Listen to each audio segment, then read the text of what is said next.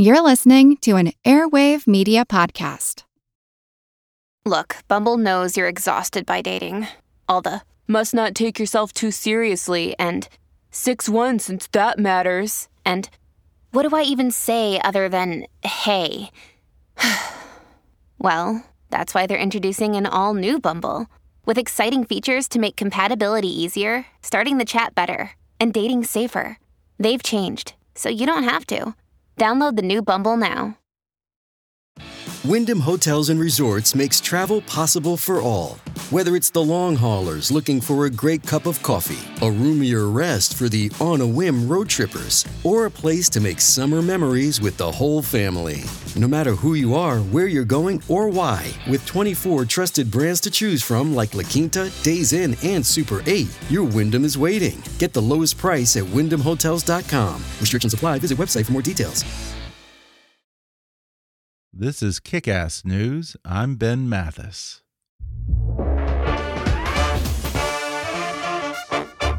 Hi, I'm Ben Mathis. Welcome to Kick Ass News.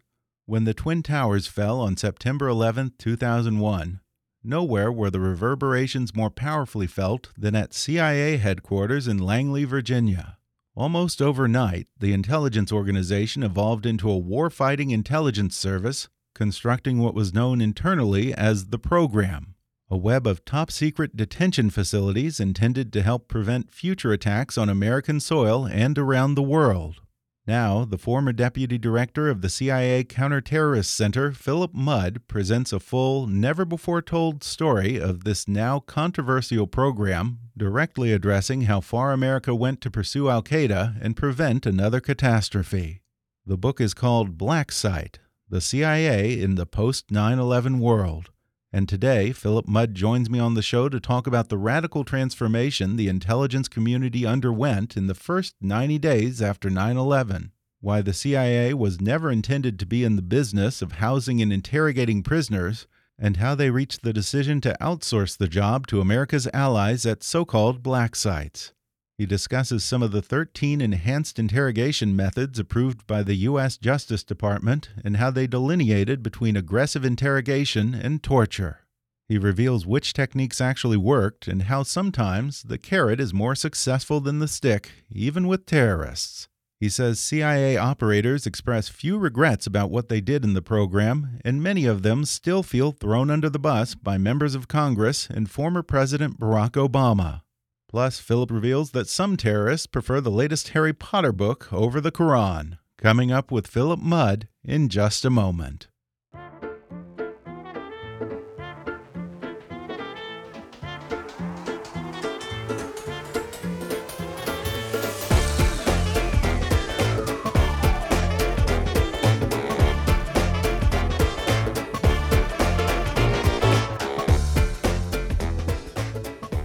Mudd is the former deputy director at the CIA's Counterterrorist Center and the FBI's National Security Branch.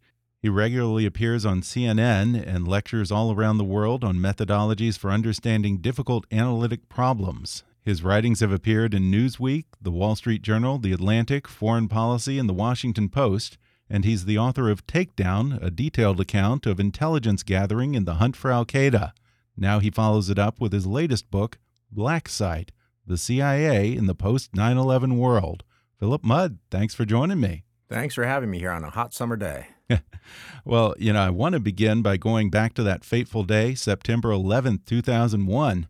I believe that you were either in the White House personally or in the old executive office building, which is, of course, adjacent to the White House. What was that day like for you? It's hard to describe it. It, it seems like nine lifetimes ago. I remember yeah. coming back uh, with a cup of coffee and somebody saying a plane hit a building. I was in the uh, executive office building, which is sort of looks like a wedding cake right next door to the uh, to the White House. I came back. I, th- I, assumed that the reports of a first plane were uh, the tragedy of someone who was learning to pilot a Cessna or something and took a wrong turn. And then the second plane hit, and somebody walked down the hall or ran down the hall and said, "We think there are more out there, and there uh, one might be coming for us," wow. meaning for the White House. I, I my assumption is that that was a reference maybe to the Shanksville plane, which I think was headed for the Congress. Anyway, we evacuated, and I walked out into a street scene in downtown Washington that was like a Hollywood set. People running around looking at bar TVs because nobody knew what was happening. Rumors were rampant. We thought that the State Department, which is not that far away, had been hit. And then maybe an hour or so later, I was going across the bridge and seeing the smoke billowing out of the Pentagon. It was just, it's, I feel like I didn't live it. It's so bizarre. And it's almost become a platitude by now to say that everything changed on 9 11. But particularly from your vantage point, there really was a massive and fairly immediate overhaul behind the scenes in the White House and the intelligence agencies, what was it like in those first few months following 9 11? For me, there was a group of, I had not been working on terrorism at the White House, so I didn't have a good sense in the first couple days about what was going on. I don't remember how long it took, but I knew I wanted into the fight. Mm -hmm. So I remember calling back to my home agency, the CIA, in the midst of all, I, there was a real sense of sadness. I didn't feel, I don't remember a sense of vengeance but a sense that, you know, so many children had lost their parents. There are these photos of people jumping. So I called back to the CIA headquarters and said I wanted in the fight. And, and by October, so you're just talking about a few weeks later, I was on uh, the CIA person on the U.S. government diplomatic team. There are only about half a dozen of us who were put together to ensure there was a new government government in Afghanistan. They were on the on the inside the sense of speed, the magnitude of the war, the decisions that were being made about how quickly to invade, send CIA guys in tomorrow. Just incredible decisions, faster than they could ever have happened before 9 11. And I want to go back a bit and ask you to describe the CIA's counterterrorism center and the, the agency's broader approach to terrorism in the decade and a half leading up to 9 11. What was the mindset back then? I, I think a lot of people, and, and this obviously is the, the prelude, the sort of the first chapter in the book. A lot of people, and I, I was there. I tried to write the book in the third person because I thought it would be confusing to jump back and forth. But I started in the Counterterror Center in 1992 the sense was that there was an emerging threat. Um, we we by the mid 1990s, Bin Laden was appearing on the radar. Uh, by the late 1990s, obviously he was in Afghanistan, expelled from from Sudan. But I think the people who were working on the problem, and I think this is what they told me when I was doing the dozens of interviews for the book, felt that they were making some progress, but they they sort of had their finger in the dike that we mm-hmm. didn't have the capability to do things like major rendition operations, which, like it or not, became more and more prominent after 9 11. I think they thought that they had some capability, but it was not nearly enough to fight the adversary that they saw starting to grow in the early to mid 90s. Mm -hmm. And my impression is that after 9 11, the pendulum sort of swung in the opposite direction, and the CIA went from being very risk averse in the early 90s to saying, damn the torpedoes, let's do whatever it takes.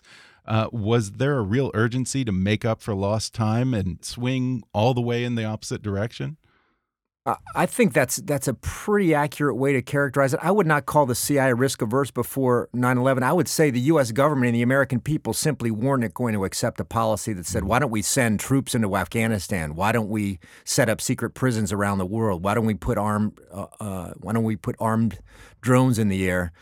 To to kill terrorists. Uh, that would have been you could not have considered that regardless of whether you're at CIA, the White House, or the State Department before 9/11. I think the the attitude afterwards I could capture in just a couple sentences. Number one, this can never happen again.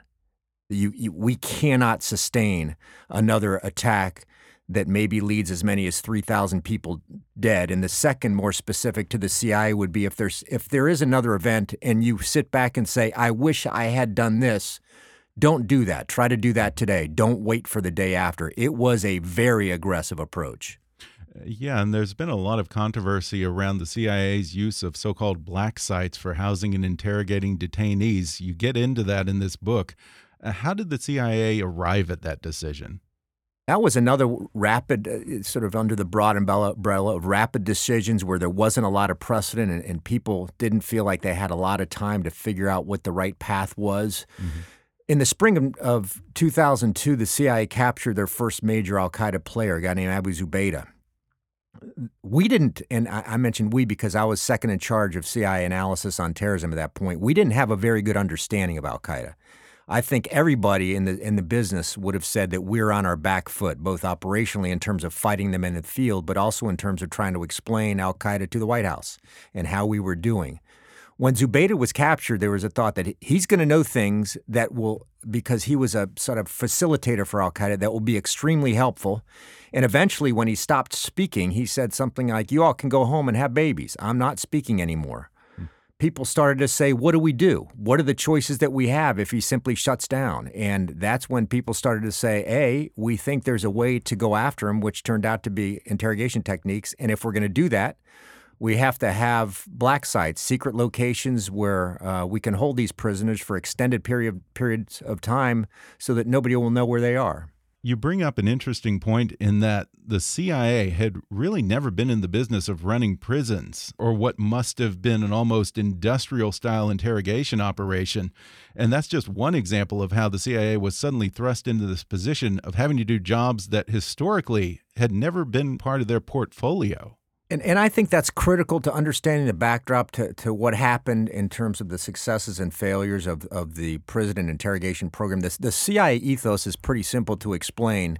Unlike the military, or I also serve the FBI, it's not very hierarchical. There's not sometimes a tremendous amount of respect for authority, which occasionally can be humorous. Very agile, though. People ha- have a belief that they have been given the authority, especially after 9 11, to make decisions in the field uh, maybe to ask permission later. So you sacrifice a little bit of organizational rigor, maybe of policies and procedures in favor, especially in an environment like that, of speed. So that leads people to say, We've never held prisoners before, but nobody else is going to hold these guys. We think we have to interrogate them. So, therefore, for an agile organization, the simple decision is we'll figure out how to do that ourselves.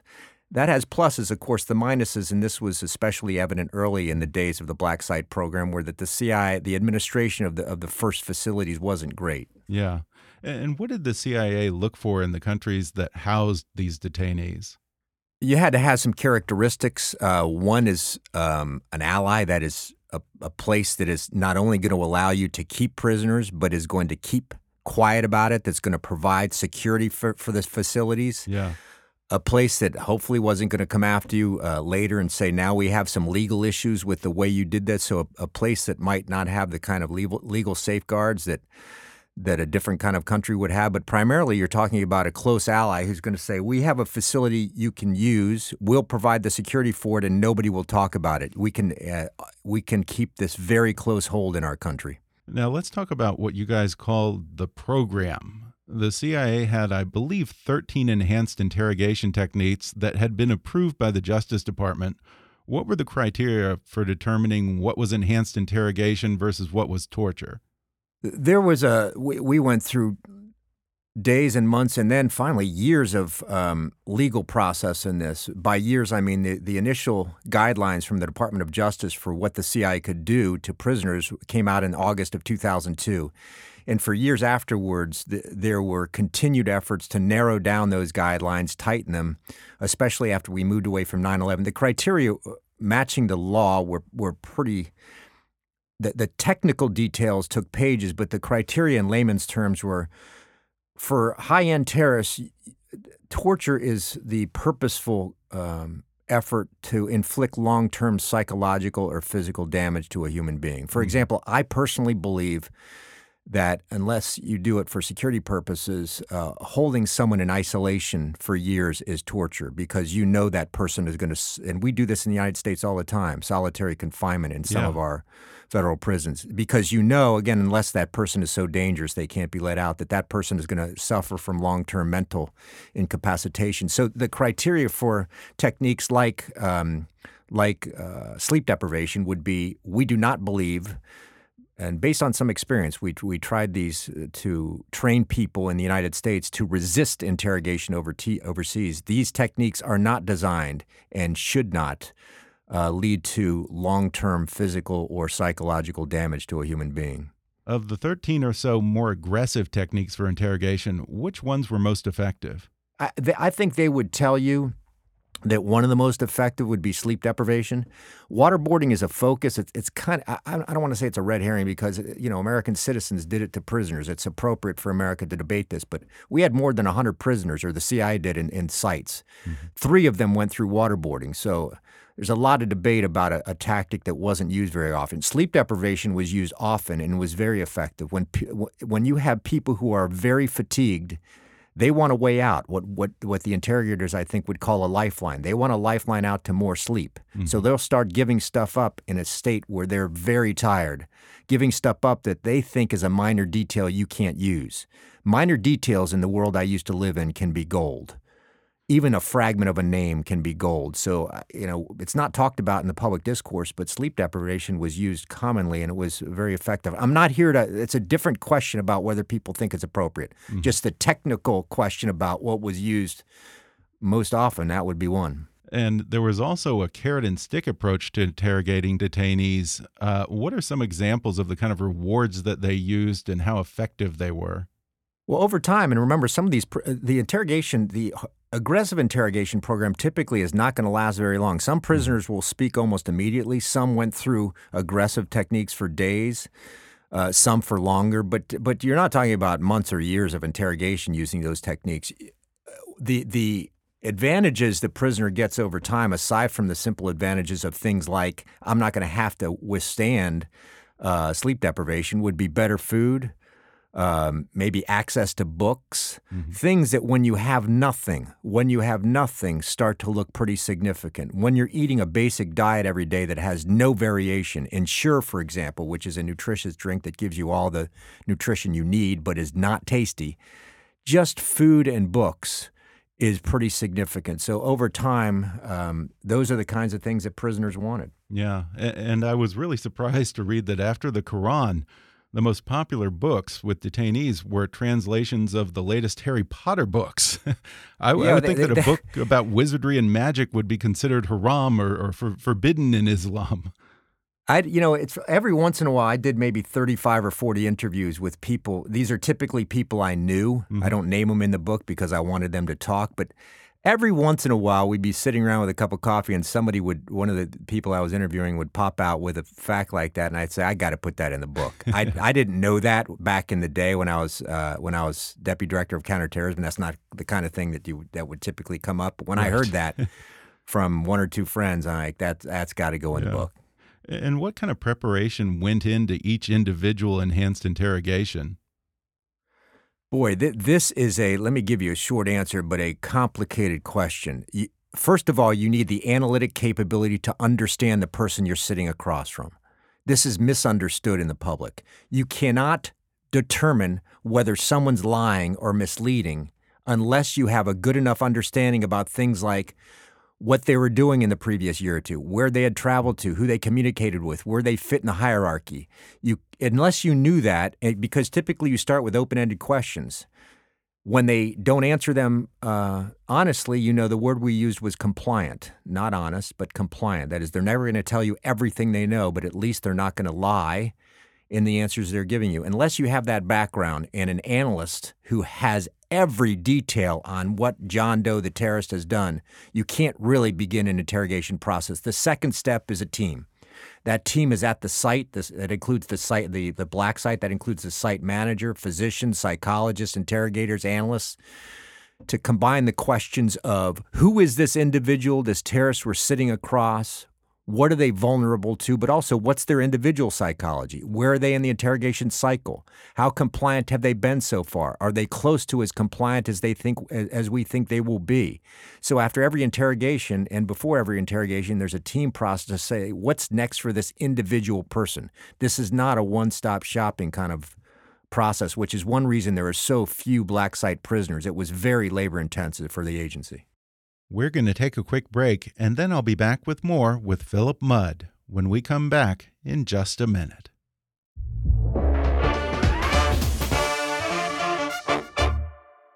Imagine yourself with a doctoral degree, at the top of your field, teaching, researching, or making a big impact in your community. A doctorate is a huge step forward to achieving your goals. So, what's stopping you? A doctoral degree may seem out of reach because of the investment involved be it a time investment or a financial one. But you could earn your degree from Capella University through their flexible program with online classes and a dedicated community of faculty and students just like you. If you're worried about the cost of your degree, Capella is there to help too. Eligible students enrolling in select doctoral programs may qualify for a $5,000 or $10,000 scholarship. In addition to scholarships, Capella has a team of financial aid counselors, enrollment counselors, and career counselors to help you make your goal a reality. Because you are an investment that's worth it. Learn more about the support and resources you'll have from beginning to end. You can also start by exploring Capella's programs and scholarship opportunities at capella.edu/kick. That's Capella, C A P E L L A dot edu slash kick. White Castle is America's first fast food hamburger chain, as well as the slider experts. And now you can get White Castle sliders in the grocery store. Made with 100% beef patties on a bed of steam grilled onions, they have the same one of a kind taste that White Castle has been serving in their restaurants for years. And whether you're a vegetarian or a meat eater, White Castle sliders come in a whole bunch of tasty varieties for just about anyone to enjoy. Feeling a little cheesy? Try their cheese sliders. Looking to add a little spice to your life? Just have a taste of their jalapeno cheese sliders. One bite and you'll understand what all the crave's about. My whole life I've heard Midwesterners carrying on about White Castle with the kind of enthusiasm usually reserved for the local NFL team. Growing up in Texas and California, I always wondered what the fuss was about. Then, a few years ago, I was in Chicago one night and I insisted that my buddy there take me to a White Castle. That's when I got hooked on their cheese sliders. There's just something so simple and satisfying about meat, cheese, and onions on a pillowy and delicious little bun. So you can imagine my heartbreak when I came back to California and there wasn't a White Castle to be found. I can't tell you how many nights I've been craving those cheese sliders, so I was thrilled when White Castle came to the rescue with sliders in my local grocery store. Now, folks, White Castle burgers are iconic, and you know their fans like me are pretty obsessive, but I'm happy to report that these sliders really do live up to the name White Castle. Just 60 seconds in the microwave, and I'm having that same authentic White Castle experience I had that night so many years ago in Chicago. They even have breakfast sliders with a variety of flavors, perfect for when you need a quick hot breakfast on the go. From the castle or the grocery store, you can satisfy your crave anytime with White Castle. Go to whitecastle.com/kick to get $1 off the purchase of any 4 or 6-pack White Castle sliders. You know, folks, one of my favorite ways to unwind at the end of the day is with a good cigar. Somehow, time just seems to slow down. You can think and savor the moment a little more. That's because smoking a good cigar is an experience. But like wine, it can be intimidating to get started, but not with Puro Trader. Puro Trader makes the global cigar market easily accessible right from your laptop or mobile device. Puro Trader is like one of those travel sites that searches the entire web for the best deals, except instead of flights, you're searching for cigars. From everyday cigars for the casual smoker to the rarest of the rare sticks for the collectors. And it's all in a supportive community setting where you can ask questions and read real reviews. Buying cigars and entering the community just got a whole lot easier with Puro Trader. Whether you're on the hunt for a rare, unique cigar or just looking to get started, Puro Trader is the only destination you need to get educated, monitor market trends, and join the conversation. Check out PuroTrader.com and use the promo code NEWS for a chance to win a day at the Porsche Racing Experience in Los Angeles or Atlanta. That's PuroTrader, P U R O T R A D E R.com, promo code NEWS. And now, back to the show. And once the U.S. entered the wars in Afghanistan and Iraq, I have to assume that the steady flow of detainees must have increased dramatically, and with it, the demand for more interrogators. Was there any loosening of the criteria or training for them in order to meet that need? Yes, you can think of the process that we developed. We, the CIA, developed black sites and developed interrogators in sort of three stages. The first stage is pretty rough.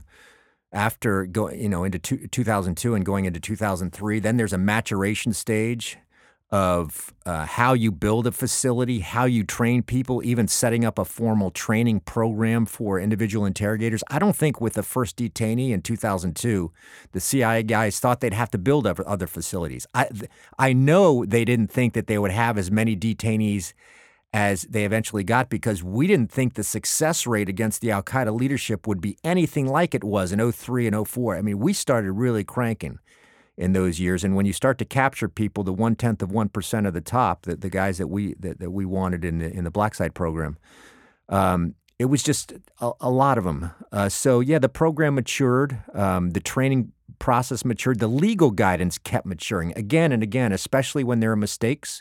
The lawyers would say this can't happen again. Communications between the field and headquarters on the administration of uh, facilities for the long term detention of prisoners when we realized there wasn't a way out for some of these guys until President Bush announced they were being transferred to Guantanamo. So, yeah, a real maturation process. And as the demand for interrogators increased, the CIA actually began recruiting female interrogators. I have to imagine that that also added a psychological component to interrogation as well.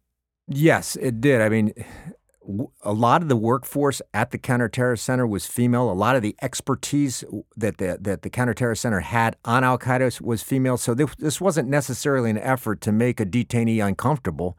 It's just a security service that has a program that's expanding rapidly, saying who are our best qualified people in the service to talk to this growing cadre of detainees we have. So I'm, I'm, sure it looks on the surface like we're trying to rub the detainees' noses into it. I, that's a that's a simplistic interpretation mm-hmm. of what was happening. The CIA workforce going into uh, the the first decade of the 2000s was was pretty well mixed between men and women. Did the CIA also have to be particularly alert to any applicants who maybe wanted the job too much? Yes, I talked to some of the the, the black site managers and the managers of the program at CI headquarters in Langley, and their message was was pretty basic.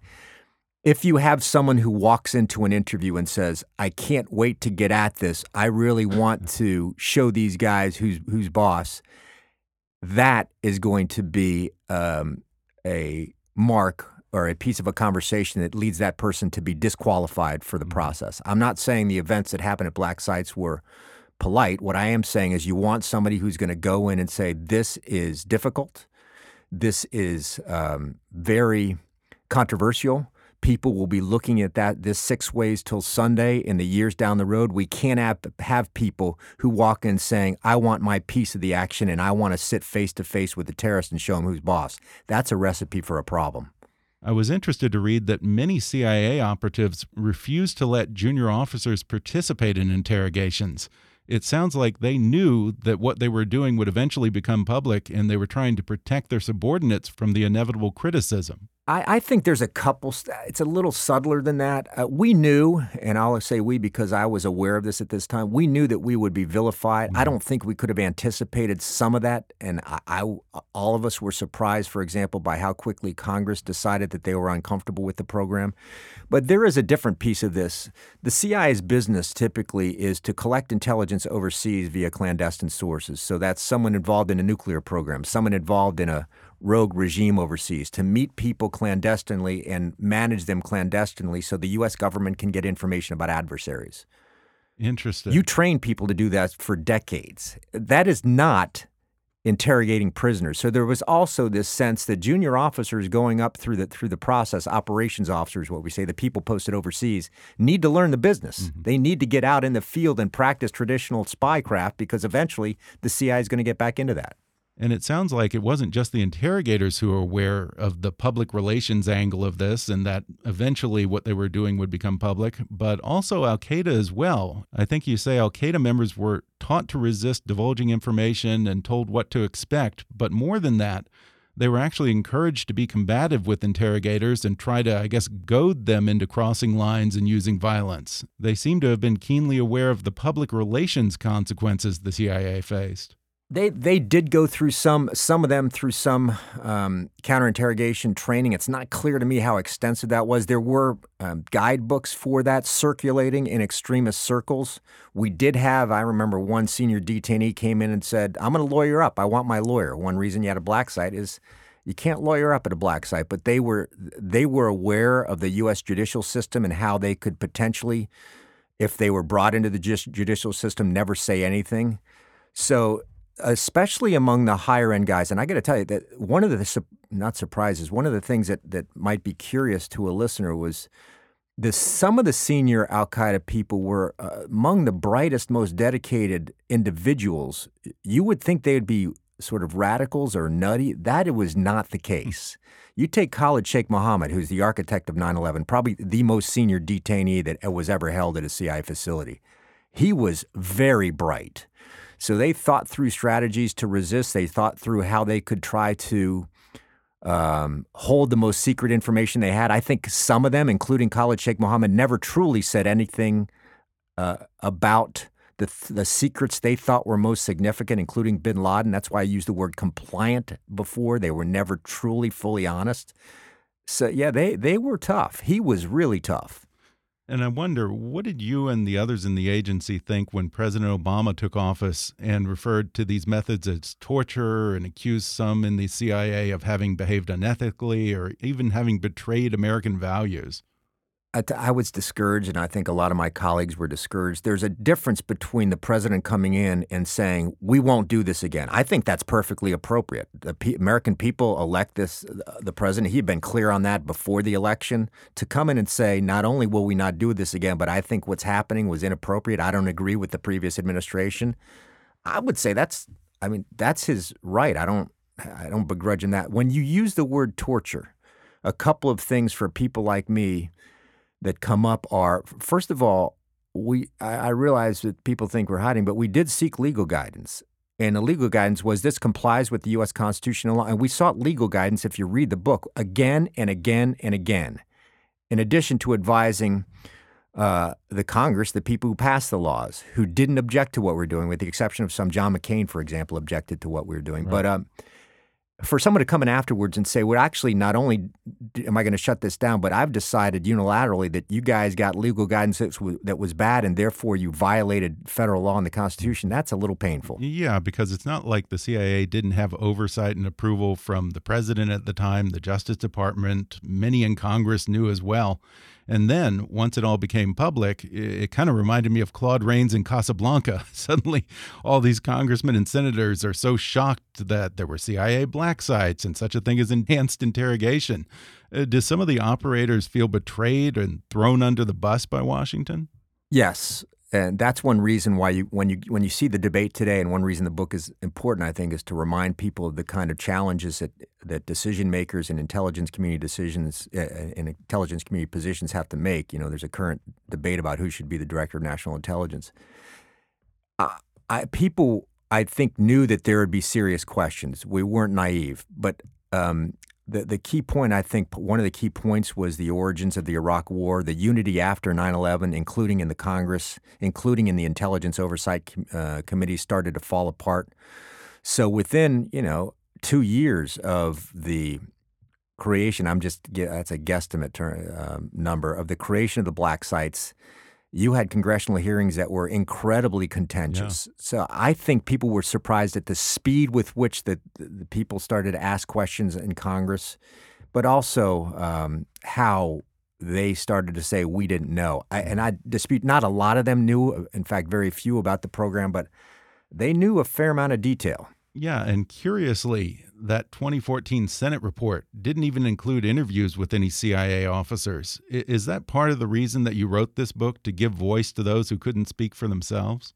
I wasn't objecting to the Senate report. I have issues with mm -hmm. it mm-hmm. that I that I mentioned in the book. I was, you know, there's a simple reason for the book. One is I'm an English major and I like words. And I was running one day and I realized there's a story out there that needs to be told.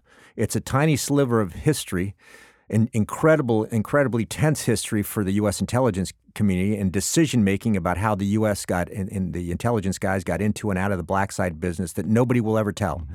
And the people I spoke with, many of them have never and will never speak with a member of the media. I spoke with them because I had worked with them, and I, I told them this is going to be confidential. The book is not a defense. If you read it, there's a, there's stuff that's that's critical, that is negative about how the program was run. But I thought it was just a sliver of history that that was gonna that was gonna disappear eh, if I if I didn't tell it. Mm-hmm. And so I just wanted to write the book. I wasn't out to attack anybody or to sort of go after the Senate report. I just wanted to tell the story. Mm-hmm. And among the participants in the program that you've talked to today, do many of them express any regrets about what they did? I didn't hear regrets, and this was a pretty universal view. I didn't hear regrets about the program. There were a few questions from a, few saying, if I had to go back, we should, we might have reconsidered waterboarding. But that was one of, again, that was used on three people out of 100 plus. That's because it was, it became such a lightning rod in the public debate afterwards. They're like, we could have done this without the waterboarding process. There was also a sense, that we should have pushed, that the CIA should have pushed the White House harder to expand the number of members of Congress who knew about this and were briefed on it. The White House was adamant that we not brief a lot of members of Congress. But these are pretty minor details. And the overarching question I asked this of everybody I spoke with, I had a list of questions that everybody got. One of them was ethics and afterthoughts, and that included you know, what kind of regrets you have. I think a lot of them would say on, on September 12th of 2001, we thought maybe another 3,000 people would die. We called it mm-hmm. the second wave, and we thought it might be anthrax. And they look right. back and say, uh, we it didn't happen, and uh, they're proud of that. Here we are now, I guess, coming up on two decades since 9 11. And one question that comes to my mind is uh, where are all of these detainees now? Whatever became of them? no, of they them. were moved to the announcement by President Bush going back now more than ten years. That they were moved to um, to Guantanamo. Uh, mm-hmm. To the and some of them are still there, including Khalid Sheikh mm-hmm. Mohammed. There are questions now about his uh, his legal process, actually, just in the past couple weeks. But yeah, shifted over to Guantanamo. And what is the long term plan? I guess a lot of these people you can't release back into the wild, so to speak. So is it just indefinite detention?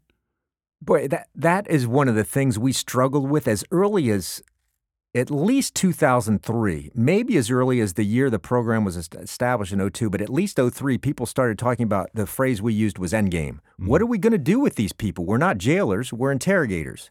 It's we're still having that debate about Guantanamo today. Guantanamo, in a way, parallels some of the black site problems. Once you bring these people in, like Khalid Sheikh Mohammed, if you don't have the information to try them in a U.S. court of law, you let them go? Mm-hmm. I th- there's a very few people in that category. I think. I think m- most of the people, and not I think most of the people at Guantanamo have gone through some sort of legal process or have been sent back to their home countries. But there's a slice of the top echelon of Al Qaeda that I think might be there for a long time to come. I don't know if that's a good decision. I actually would question it, but I think that's what's going to happen. Well, as we wind down here, I have to ask about your old boss, Robert Mueller. Uh, you were hired Love by that him, guy. And yeah, yes, and you met with him every day when you were with the FBI. What did you think about how he was treated in the congressional hearings and how he handled those questions? I thought it was pitiable. I mm. thought it was pitiable.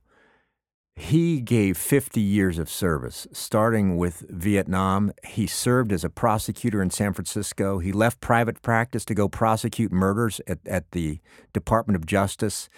He became one of the most storied FBI directors in history under President Bush. He was so good that President Obama said, Can you stick around? I can't replace you. It was not his request to serve as special counsel. He laid a report on the table that was excruciating in detail and damning of some of the president's activities. And he was treated horribly by the Congress. I realized maybe he didn't have his A game. They knew that. It was he served at the Americans' request and they abused him. I thought it was pitiable, mm -hmm. pitiable. It's been interesting to watch how the president and his allies in Congress have tried to paint Bob Mueller as some kind of a rogue agent who was somehow politically motivated to go after Trump, even though he's a registered Republican and was appointed by Republican presidents. In all your time working with Bob Mueller, has he ever shown any political bias? I'm going to have to start that with a few funny comments. I, I was with him for four and a half years, sometimes multiple times a day. White button down shirt every day, every single day. Never saw him in a pair of khakis, dark suit every day. uh, tie up black shoes every day. Uh, to, to, to have an idea that this guy, a storied, and I think maybe the most storied public prosecutor of a generation or two, maybe the second most storied FBI director in history. To have him painted as a rogue operator is, if it weren't so serious, it's humorous. Mm-hmm. But I, I, don't, I don't understand how people who know him. I mean, I understand Washington. It's a it's a it's a place where if you want a friend, you got to get a dog. but how somehow the president has managed to portray an American hero as a rogue agent is odd. Well, again, the book is called Black Site: The CIA in the Post 9/11 World. Philip Mudd, thanks for talking with me. Thanks for having me today. Thanks again to Philip Mudd for coming on the podcast. Order his new book, Black Site The CIA in the Post 9 11 World, on Amazon, Audible, or wherever books are sold. And keep up with Philip at philmudd.com. Folks, most of my life I've heard about White Castle. Growing up in Texas and California, it was the kind of thing I remember Midwesterners raving about. Then one night I was in Chicago and I finally got to see what all the fuss was about. Those simple and delicious cheese sliders got me hooked. But when I came home to California, there wasn't a White Castle restaurant to be found. Good news though, White Castle came to my rescue with White Castle sliders available at the grocery. Made with 100% beef patties steamed on a bed of grilled onions, they have the same one of a kind taste White Castle has been serving in their restaurants for years. Pick up some sliders from the grocery store and make it a slider night go to whitecastle.com/kick to get $1 off the purchase of any 4 or 6-pack White Castle sliders. If you enjoyed today's podcast, be sure to subscribe to us on Apple Podcasts and rate and review us while you're there. Five star ratings and detailed reviews are one of the best ways for new listeners to discover the show. You can also follow us on Facebook or on Twitter at, at KickassNewsPod and recommend us to your friends on your social media. For more fun stuff, visit kickassnews.com, and I welcome your comments, questions, and suggestions at comments at kickassnews.com. For now, I'm Ben Mathis, and thanks for listening to Kickass News.